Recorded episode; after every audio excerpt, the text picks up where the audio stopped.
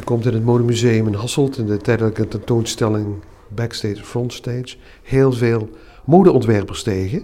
Even, uh, een aantal wordt hier belicht zie ik. Hè? Ja, dat klopt. Ehm, er zijn naast de andere grote uh, modehuizen uh, twee ontwerpers die extra belicht worden, omdat ze ook een heel belangrijke rol gespeeld hebben in het werk, of spelen nog steeds in het werk van Marleen Daniels. En dat is uh, onder andere Yoshi Yamamoto, die een eigen ruimte heeft in de tentoonstelling, en Dries van Noten, waar dat we de tentoonstelling mee, mee eindigen.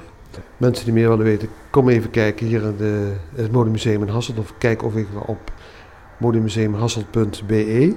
We lopen met de curator. Zij laat ons eigenlijk vandaag zien hoe het is om een soort modeshow te lopen, maar niet alleen op het podium, maar ook alles wat er aan vooraf gaat. En dat is nou juist de bedoeling van deze expo, denk ik. Hè? Ja, dat klopt. Ja. We willen eigenlijk... Uh de hele, uh, die hele backstage setting graag overbrengen aan bezoekers, omdat dat iets is wat je nooit te zien krijgt. Zeker het, in, in, tijden van pre-internet. Um, vandaag zijn er wel veel modellen die uh, snapshots maken met hun gsm, waardoor dat je zo wel een klein beetje een inkijk krijgt in die setting. Maar het is toch voornamelijk de frontstage, dus de catwalk shows, de finale, zeg maar, die we te zien krijgen. In dat opzicht hebben we toch een unieke tentoonstelling uh, met dit gegeven.